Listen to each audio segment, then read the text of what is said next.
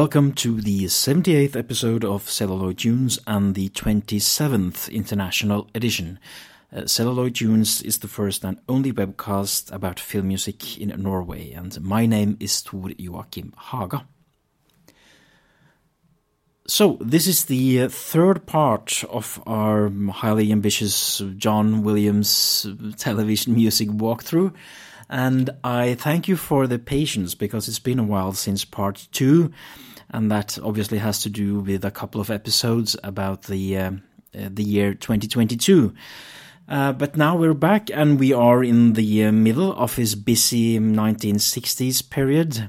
And we will actually stay here for, I think, at least this episode and the next, and maybe even two more uh, after this.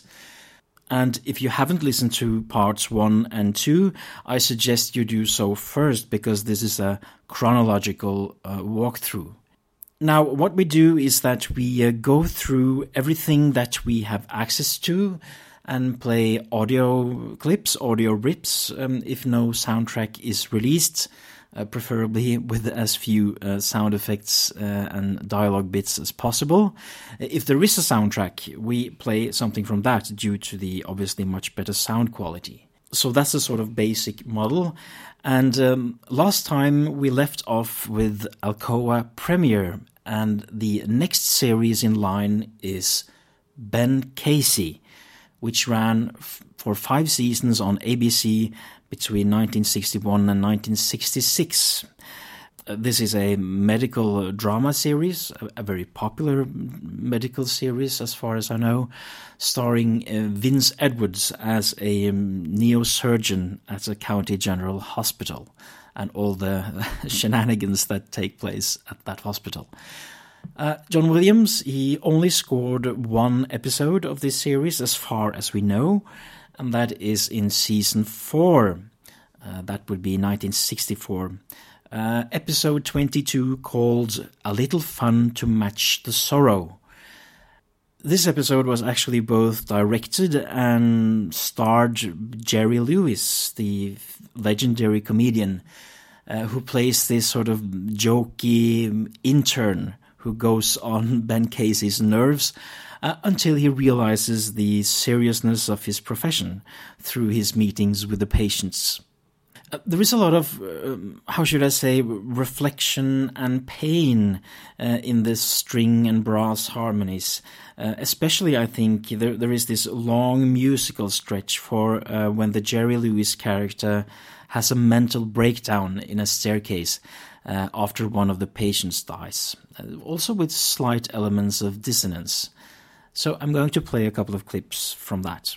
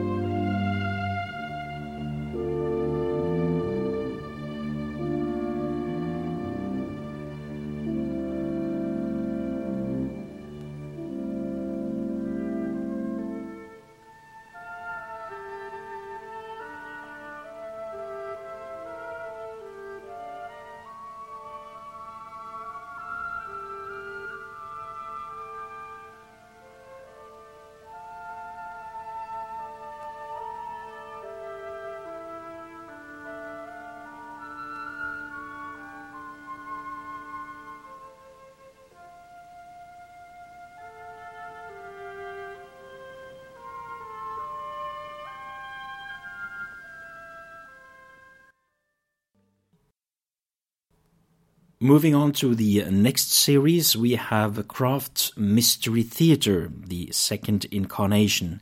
But I'm actually going to skip that for now because it's uh, part of a very complex uh, chronology r- related to the Kraft sponsored TV shows. Uh, but I will get back to uh, this series in, in just a minute. Um, um, so we can go on to the next one, which we can actually also skip because that is Wide Country uh, which ran from 1962 to 1963 for one season. And the reason we can skip it is that we already talked about it in the uh, Alcoa Premiere walkthrough, because uh, the episode Second Chance from Alcoa Premiere was used as the pilot for this television show. So the uh, main theme that John Williams wrote for that episode is used as the main theme of the series. And I don't think that he was involved in any capacity in the series otherwise. So uh, we can skip on and we uh, arrive now at uh, the series The 11th Hour which ran from 1962 to 1964 uh, for two seasons. And this is another medical show, uh, this time about psychiatry. Uh, it was actually a spin off of the um, very popular TV show Dr. Kildare on uh, NBC, starring Wendell Corey as a consultant to the Department of Corrections. Uh, Harry Sukman provided the theme for the show as well as many episode scores, but but sometimes other composers stepped in. And in this case, John Williams scores one episode in season two, the sixth episode called The Bronze Locusts, about a woman uh, called Polly who is attracted to uh, dangerous and abusive men. Now, amazingly, this score has had a soundtrack release. Uh, because when FSM uh, released their 5 CD television music box uh, Omnibus in 2010, it included the entire score to The Bronze Locusts. And I remember being quite shocked at the time because I hadn't even heard about the series uh, and much less John Williams' involvement. Uh, I, I, just think it's a very good example of the fact that we may not have total control uh, over uh, John Williams' TV output yet when these things suddenly happen uh, out of nowhere. Now, the score is rather moody and dark, but with a melancholic theme uh, centering on the tragic Polly character. Uh, and it also has a nice uh, swinging source cue in the track Polly's Blues. Uh, and for those of you interested in reading more about the contents of the score, um, I recommend you go to Jeff Eldridge's site, johnwilliams.org, because this is one of the few entries that you can actually click on and read at that site. Um, so meanwhile, I just wanted to play a couple of brief tracks from the the soundtrack, uh, namely Polly's theme, uh, which is again this melancholic theme played on solo piano, uh, as well as the slightly more upbeat Polly's blues.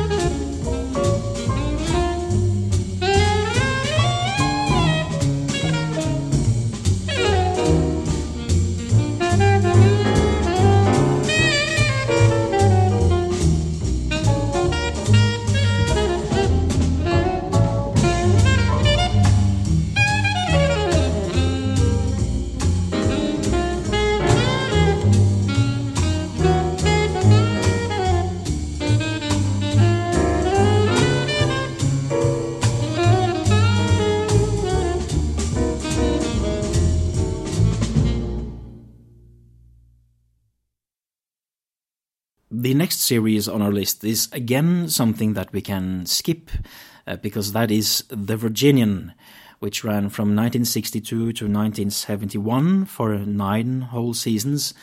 Um, this super popular Western show that we already talked about in the first episode. Uh, John Williams was not involved in this series, as far as we know, but they reused some of his music from Wagon Train, especially the track Tomorrow, uh, which also then appeared on the soundtrack album of The Virginian. But again, this is just repetition for those of you who have heard the previous two parts. So we move on to the next series, and wouldn't you know, we have another medical drama because now we arrive at Breaking Point, which aired from 1963 to 1964 for one season. Uh, this time, a spin off of Ben Casey, which we talked about earlier.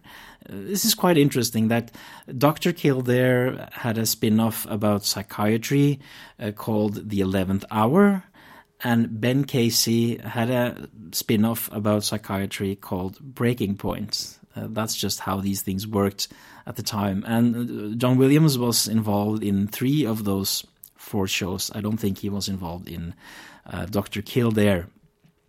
I think that was uh, mostly Jerry Goldsmith's baby, I think.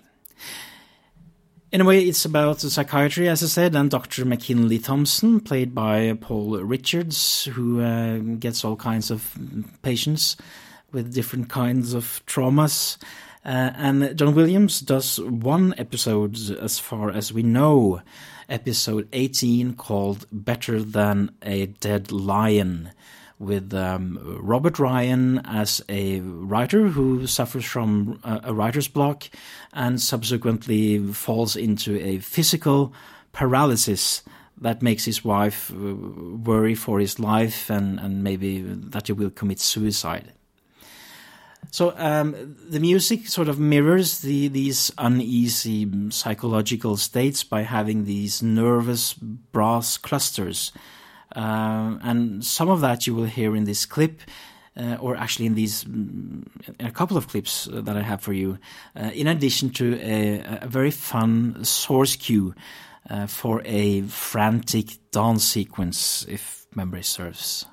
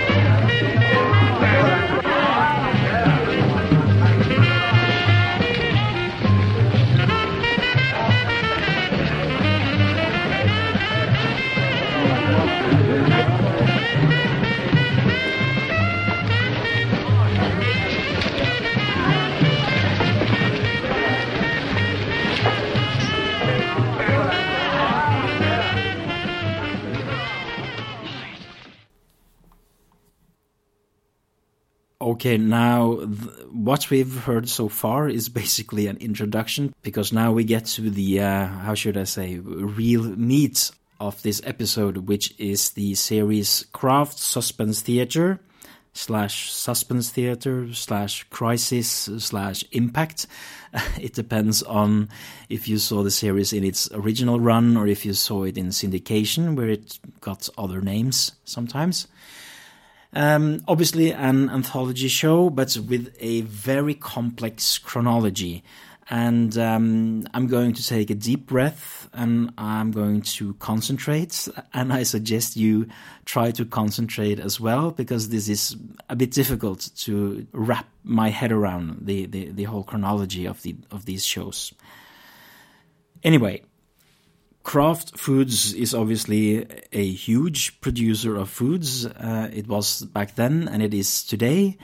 They sponsored a television show called Kraft Television Theater, which started airing in 1947 already.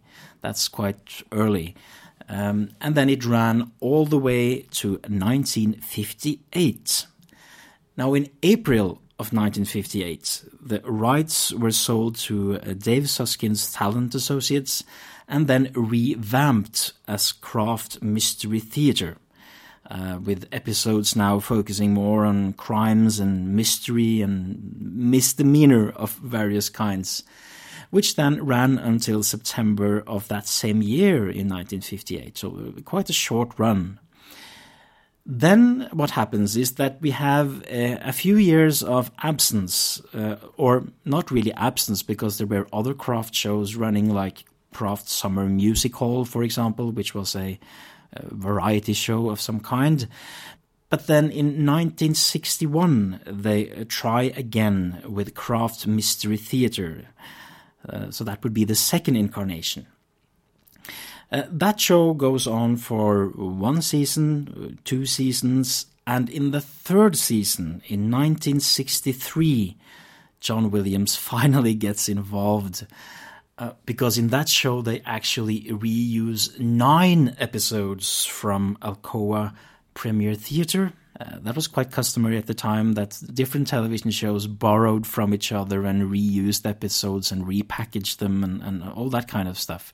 And obviously, those nine scores were by John Williams. In addition to that, he writes a new theme for this third season, as well as three uh, new original scores or three new original episodes, one of which is called The Image Merchants and is directed by none other than Robert Altman. Uh, this was episode uh, two, um, and it aired on the 26th of June. And it is my belief, anyway, that this is the first proper collaboration between uh, Robert Altman and John Williams. Uh, obviously, they would go on to work on many television projects, and there's a short film and a couple of feature films later on. But I think this was the first time they had some kind of connection. Uh, there is also an argument about, about John Williams playing piano on Robert Altman's documentary, The James Dean Story from the late 50s. But I don't really know how much of a how much interaction uh, they had at that time. So I choose to believe that this is the episode that started uh, it all. Unfortunately, I haven't been able to find uh, any of John Williams' music for the Image Merchants or the other episodes from Kraft Mystery Theater, uh, nor his theme. But there is an episode available on YouTube actually from this series called Shadow of a Man, scored by Jerry Goldsmith. And there is a theme at the end there over the end credits that could possibly be John Williams' new theme for Kraft Mystery Theater. The the end credits version of that theme anyway. Um, and although I can't say 100% for sure, I'm going to play that uh, end credits theme here, just in case it happens to be uh, John Williams.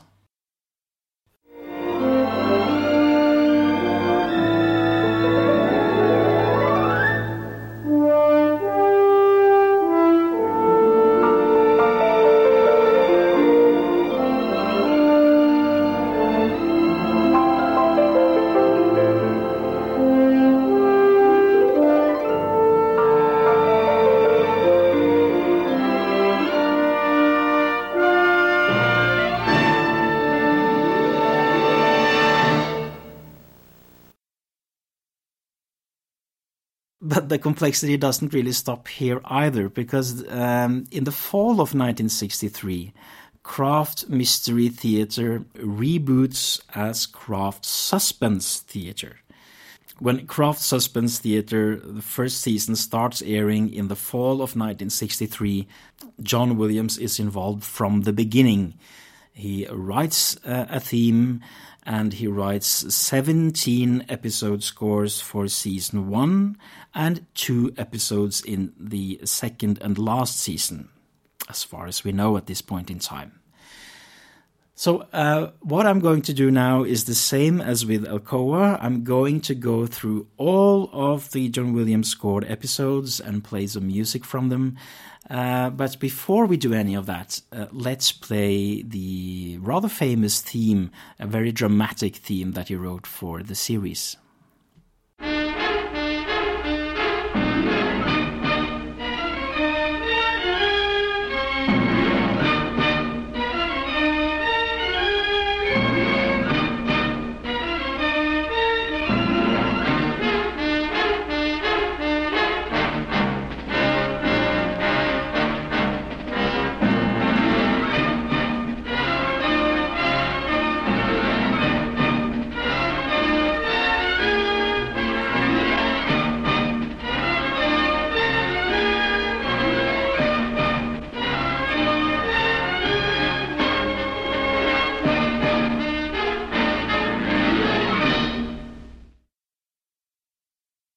Okay, so we start with the season one, episode one. Actually, we start with episode one and two because it was a double episode that started off this series uh, called The Case Against Paul Riker, which started airing on October 10, 1963.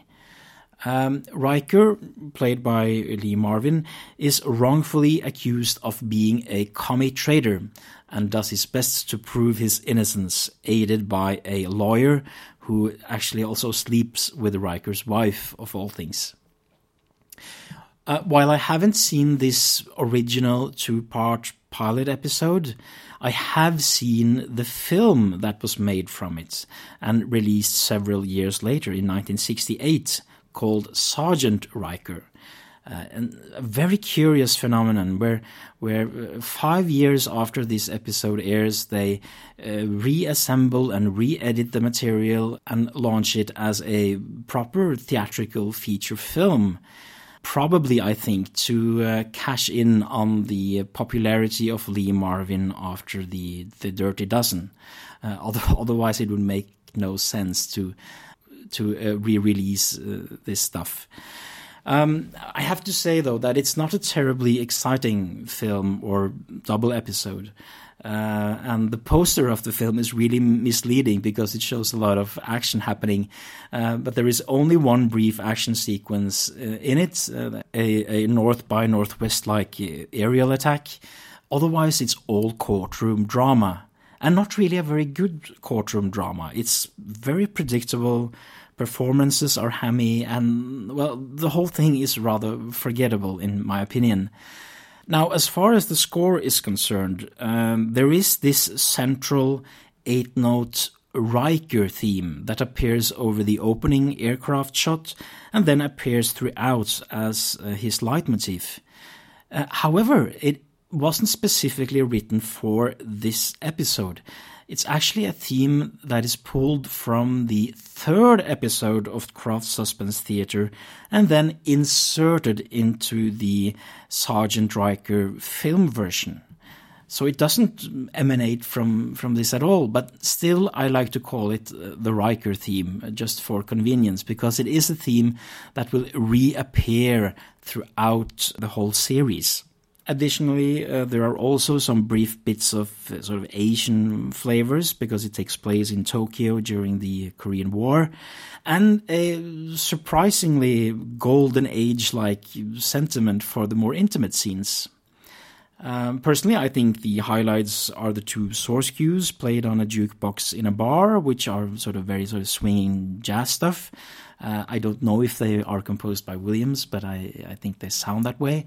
Uh, but what I wanted to do now is to play the uh, the Riker theme, as I call it. as played uh, over the um, the opening of the film, which is kind of towering inferno like with this long aerial shot.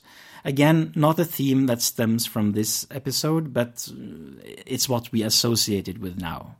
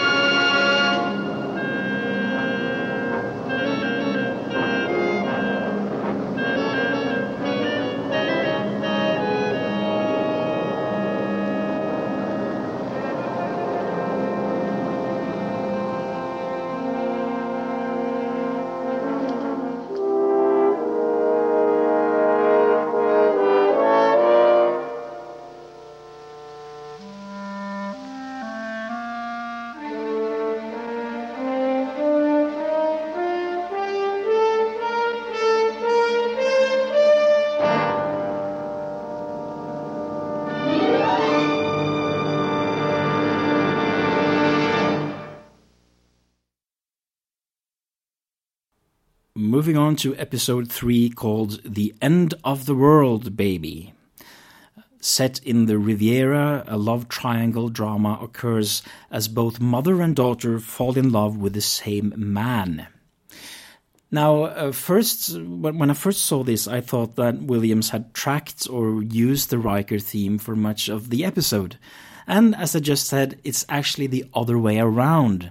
The Ryker theme, as I call it, was written for this episodes. I could should probably have called it the end of the world baby theme or baby theme or something. But that makes sense because it's a theme filled with sort of uh, tormented love of some kind. So it actually fits better with this episode than it does in uh, the Ryker episode. Uh, other noteworthy moments beyond that theme include some funky source music for a pool and a party sequence, respectively, uh, as well as some very sort of dramatic uh, climax uh, slash murder music. And since we've already played the main theme from this episode as the Ryker theme. Uh, here's a little bit of that dramatic uh, climax music.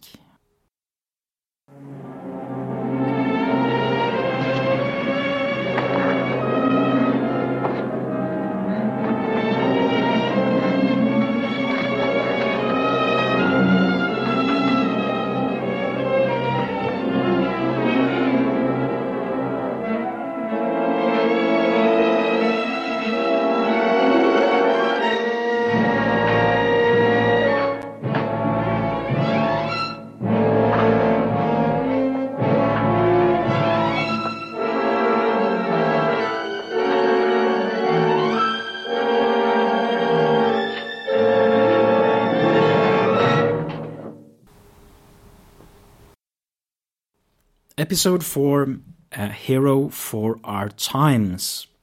High ranking bureaucrat Sir Lloyd Bridges is a witness to a murder in the adjacent building while visiting his mistress. Uh, that's the premise. Uh, but the striking thing here is the sort of sultry jazz saxophone, almost uh, film noir like in its style. Um, and there's also a fair bit of jagged brass for the suspense scenes, as well as some jazzy source music in a restaurant scene. But for the most part, there's a lot of rather, how should I say, discreet dialogue music in this episode. Still, uh, I wanted to play these two brief clips.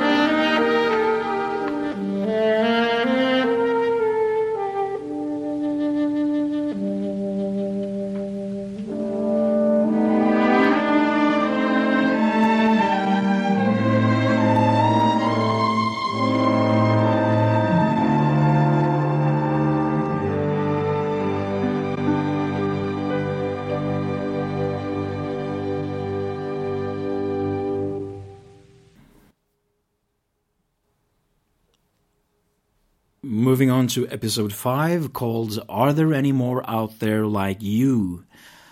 After a hit and run accident, a high ranking politician tries to find out if it was his daughter or her friends that drove the car.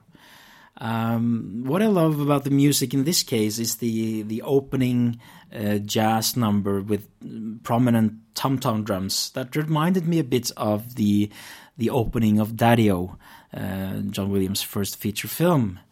Um, and there's also a cute jazz rendition of Jingle Bells used as source music in a hotel, uh, and I really hope that is John Williams' arrangement. Otherwise, the music in this episode is rather sparse and, and usually used for Siegs, you know, intros and outros and such. So it's kind of hard to rip any audio from it, but um, uh, I have nonetheless uh, ripped out that opening uh, car accident scene with those cute tom toms. Uh, even though there's too much, uh, there are too many sound effects going on.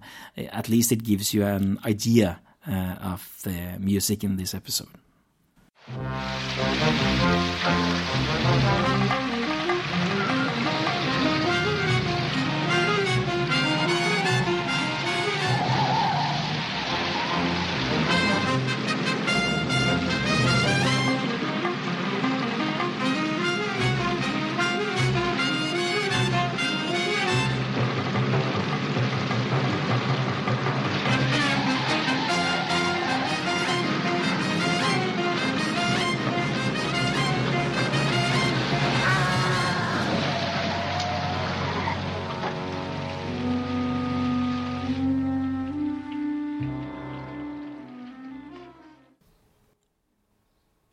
Next is episode 6 One Step Down. Uh, wife of absent Dr. Leslie Nielsen is about to have an affair at a motel when the guy keels over and dies, probably from alcoholism. She is torn between telling the truth or hiding it. Uh, the interesting thing in this case is that the score is written almost exclusively for strings So it has this very Bernard Herrmann inspired style, uh, whether in the use of the short motifs or in the in the pizzicato strings. So I've chosen actually four uh, clips from this episode that display uh, some of that.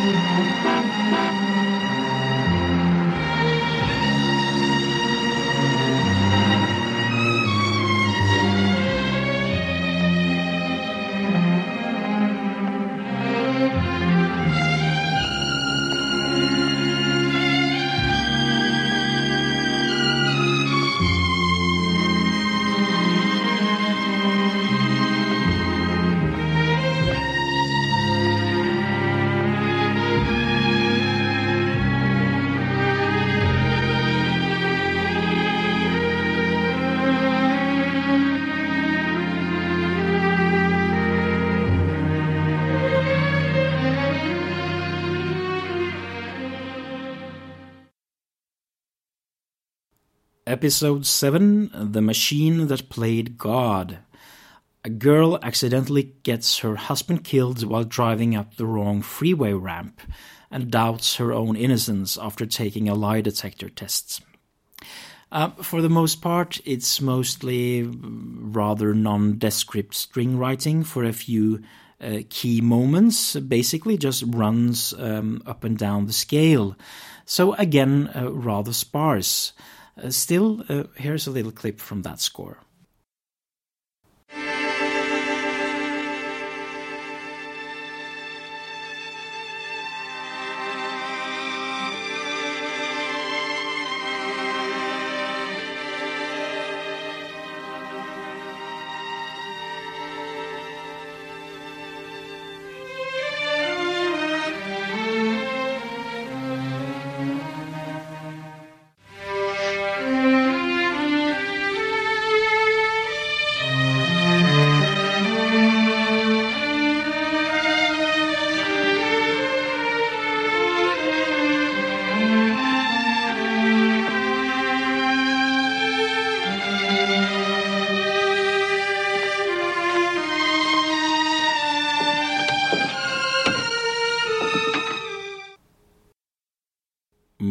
To episode 8 The Long Lost Life of Edward Smalley. Soldier Edward Smalley, played by Richard Crenna, accidentally kills his commanding officer during World War II and needs to stand court martial while he ponders his own guilt. This episode was uh, written and directed by uh, Robert Altman, so yet another collaboration between him and John Williams. The main thing musically, I think, is a brass motif that sounds like a precursor to the suspenseful brass motif from Close Encounters of the Third Kind. Uh, in addition to a beautiful use of vibraphone in, in a dream sequence. Um, and that is actually what I wanted to, to play for you.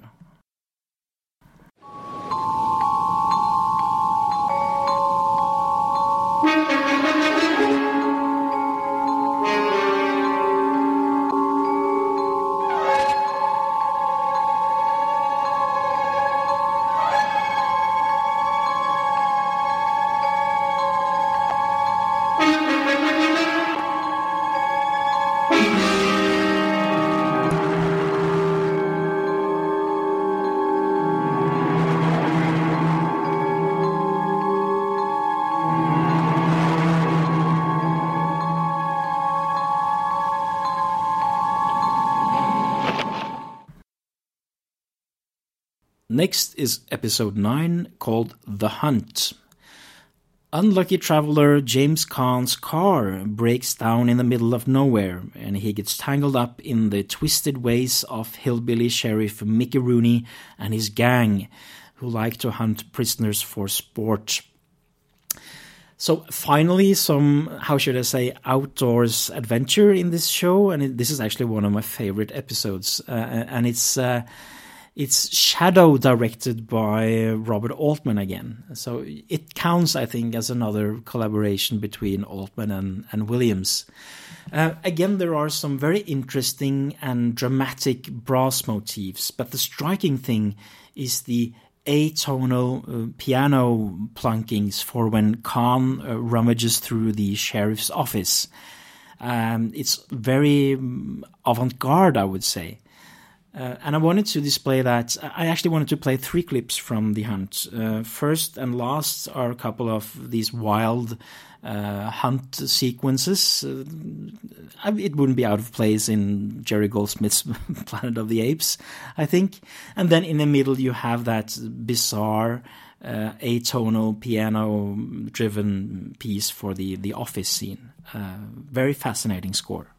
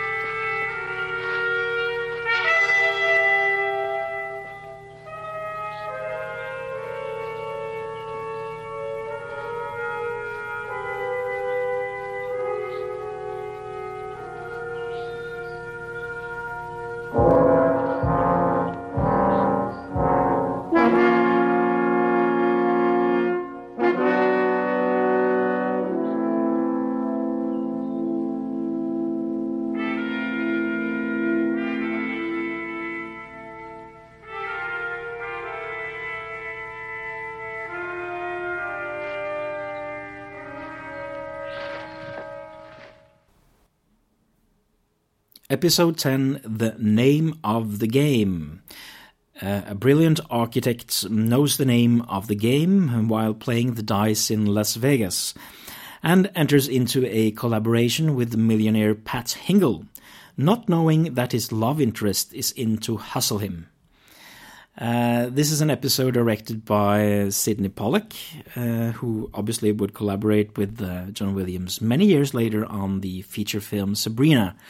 Uh, and in typical, I would say, Pollack fashion, the music is very sparse.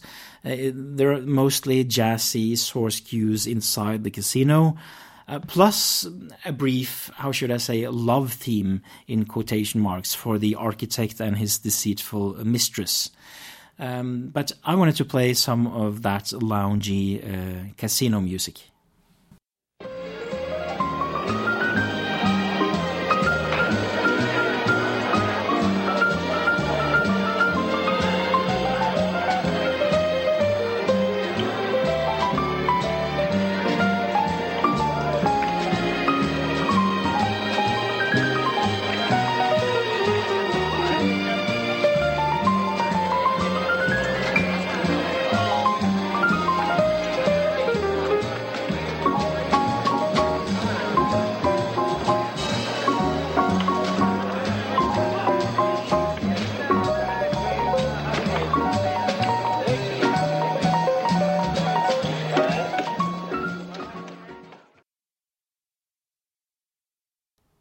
Next up is episode 11 The Deep End.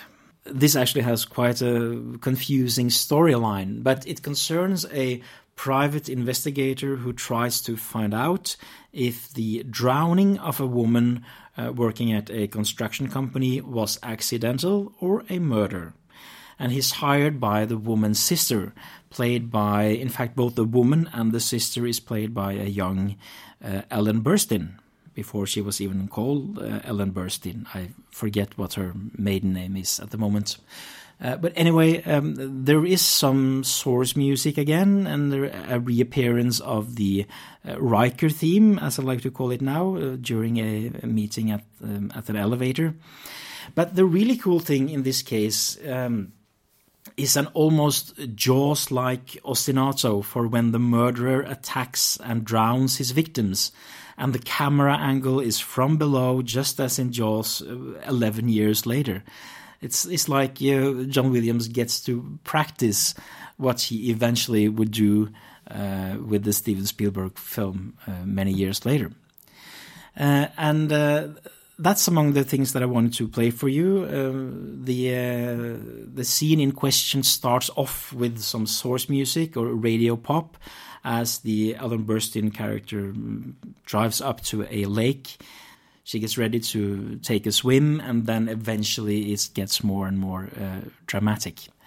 And then uh, I will also play a clip from the end of the episode, uh, which has a similar kind of, um, how should I say, plot line going on with someone trying to drown someone.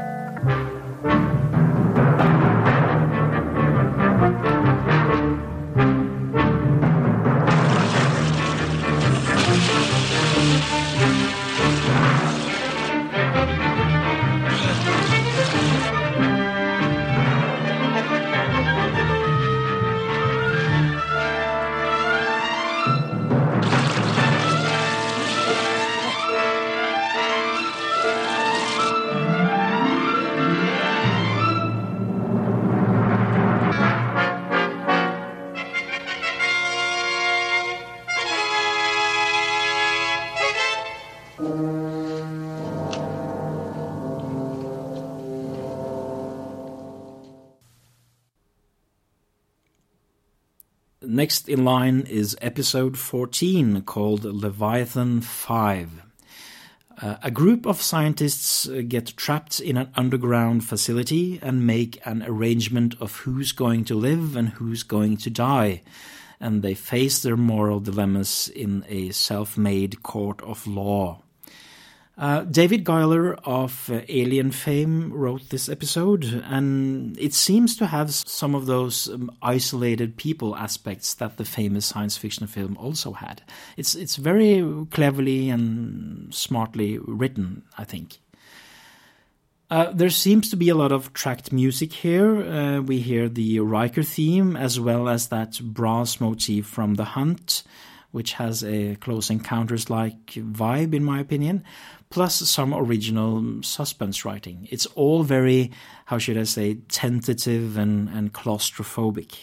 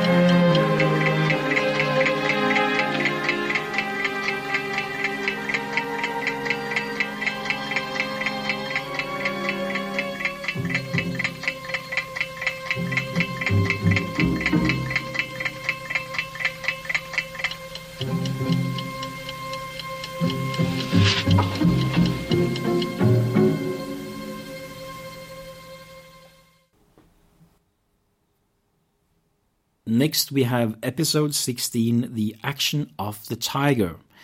An American POW escapes from a German Stalag camp to deliver vital information to the French resistance. While on a train, he encounters the help from an undercover German officer played by Telly Savalas. Um, there is more action in this episode than usual, and some really quite intense um, suspense, I think.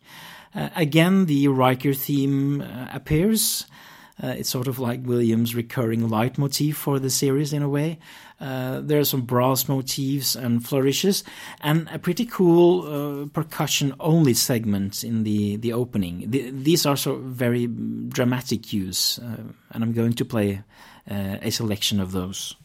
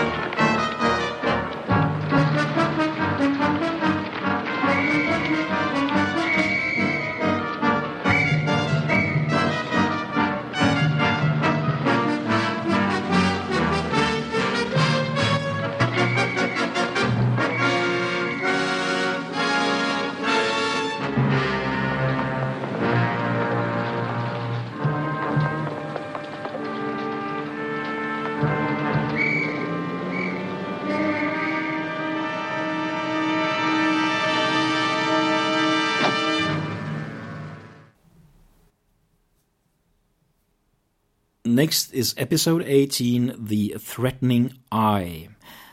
A psychotic woman with, uh, with a hilarious French Canadian accent uh, tries to hustle a man out of money, killing his wife in the process. Um, what should I say? Well, there are some wild string harmonies, uh, similar to One Step Down in this case, with some occasional uh, dramatic brass. For once, there is a sequence that has uh, very little dialogue and sound effects that lasts two minutes and 30 seconds. And that is actually what I wanted to uh, play for you.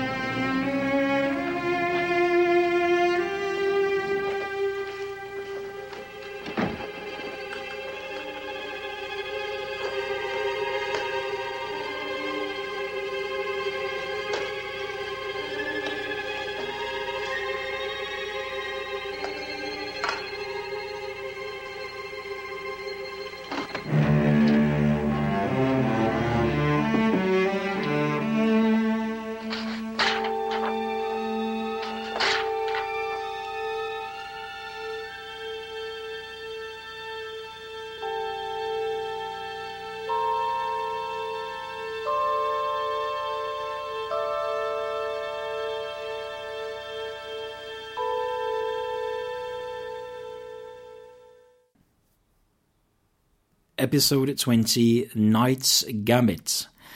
A man called Knight is hired to investigate the corruption charges of a retired and alcoholic politician vacationing in Mallorca, falls in love with his wife, and needs to choose sides as the mafia people who, who paid the politician off arrive on the island. Uh, and as you can gather, the storyline is, is a bit confusing at times, and also, to be perfectly honest, a bit boring. Uh, but there are some swinging cocktail slash pop source music for the festivities at the Steamboat. There's a super sweet soap opera type love theme and some wild suspense and action music, uh, relying on a very sort of peculiar descending uh, riff. Uh, and I'm going to play three clips from uh, Knight's Gambit.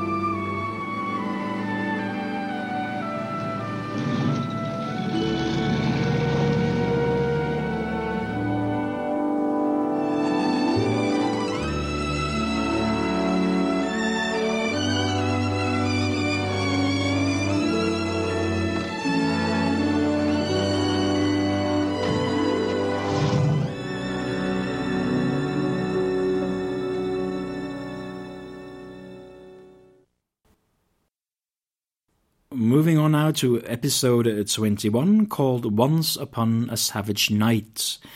Um, I haven't seen this episode either, but I have seen the television film version, which was made from this. Uh, quite similarly to how Sergeant Ryker was made, even though Sergeant Ryker was for was a theatrical release and this was a TV film, namely a film called Nightmare in Chicago uh, from 1964, again directed by Robert Altman. Now, this is basically the story about a serial killer roaming free in Chicago, while at the same time a convoy carrying a, a, nuclear warhead drives through the city. And towards the end of the episode or the film, these two narrative lines are combined. There are some weaknesses in this film. Uh, the serial killer comes off as somewhat cliched and unnecessarily reckless. Uh, the characters are relatively shallow and so on. But the interesting thing is how you can spot certain uh, arty Altmanisms, even in this mainstream format. Some framings and situations, uh, like when uh, he kills a woman in the corner of a fashion show, it's shot from a distance and in silence and so on. Um, it's quite experimental within the confines of television.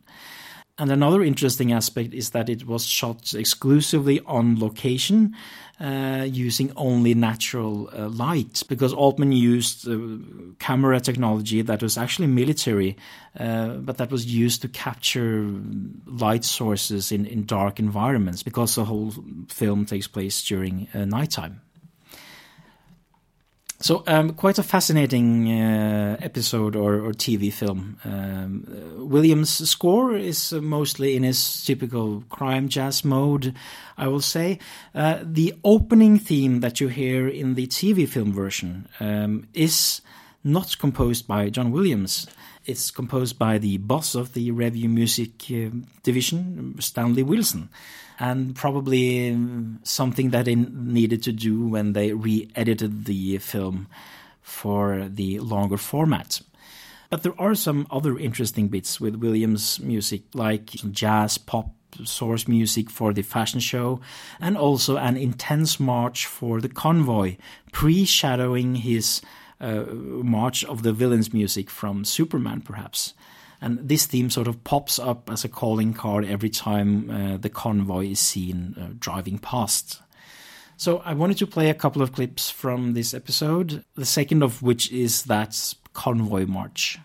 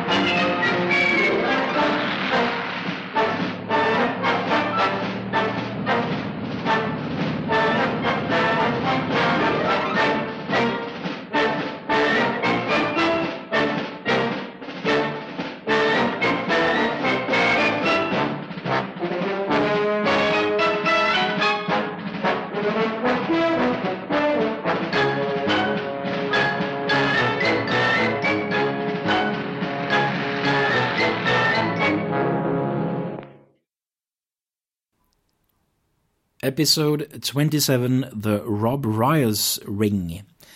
Set in some picturesque coastal village at the west coast, Mario Robrioz, played by Robert Loggia, tries to get back the ring that his mother pawned, wooing the vacationing woman who bought it. Um, I have to say, this episode feels uh, very dated in terms of the sexual stereotypes, especially the woman who constantly apologizes to Robrioz, even though he is the transgressor in this case. And that's fascinating to see. There is some uh, wonderful pastoral writing for woodwinds. Uh, there are some uh, high pitched soap opera strings, a little bit of source music on piano, and the, most importantly, there is lots of music with little dialogue and sound effects. That means that I'm able to play seven whole minutes of music from this episode. So just lean back and enjoy uh, some moments from the Robrioz Ring.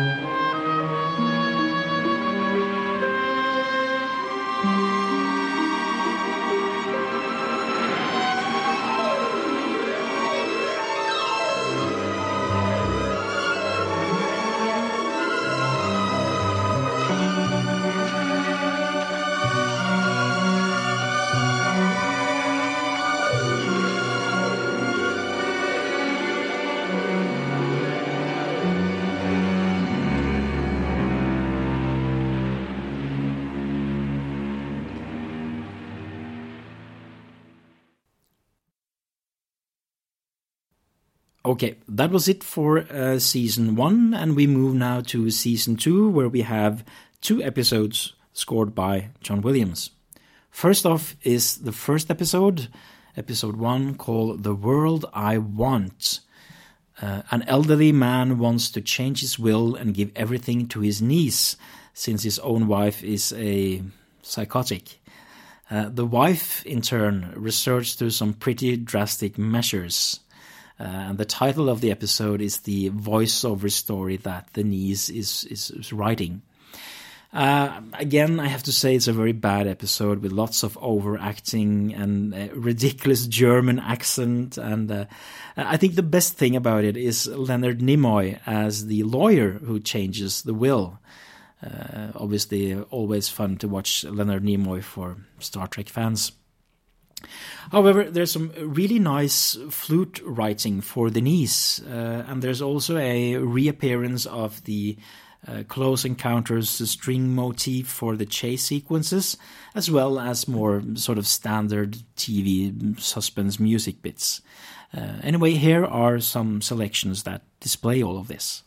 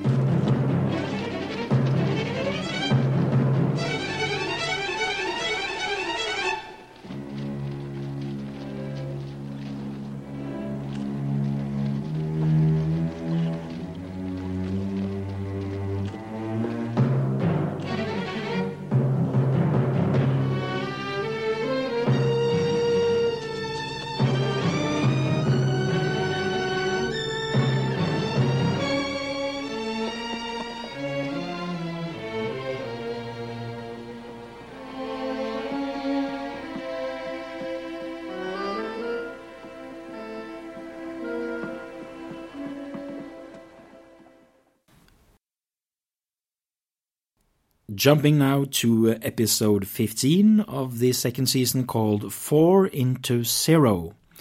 Four guys plan to heist a train, steal some money plates, and forge a million dollars while on board. Their wives become suspicious. Uh, so, a, fun little train heist episode. Uh, William's score for this uh, is quite monothematic. There's there's the uh, main theme, uh, which I think I've heard somewhere before, but I can't really place it. Uh, maybe it's uh, another one of those bits from Close Encounters, I don't know.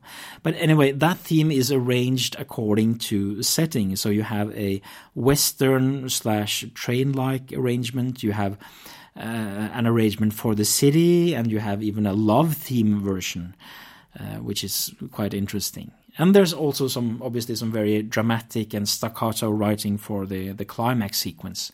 All in all, I would say it's pretty cool music uh, and one of the better ones of the, the series. And you'll be able to hear that in, in these clips.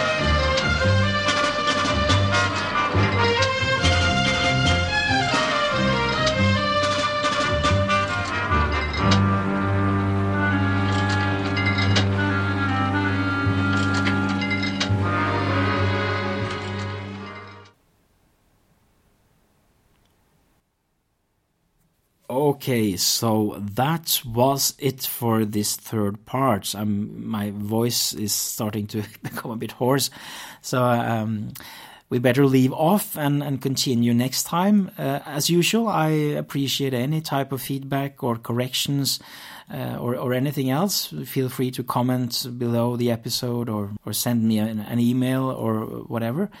And obviously, I would be thrilled if you share the episode in your social media Okay, um, until next time and the next uh, part in our John Williams television music odyssey, I wish everyone happy listening.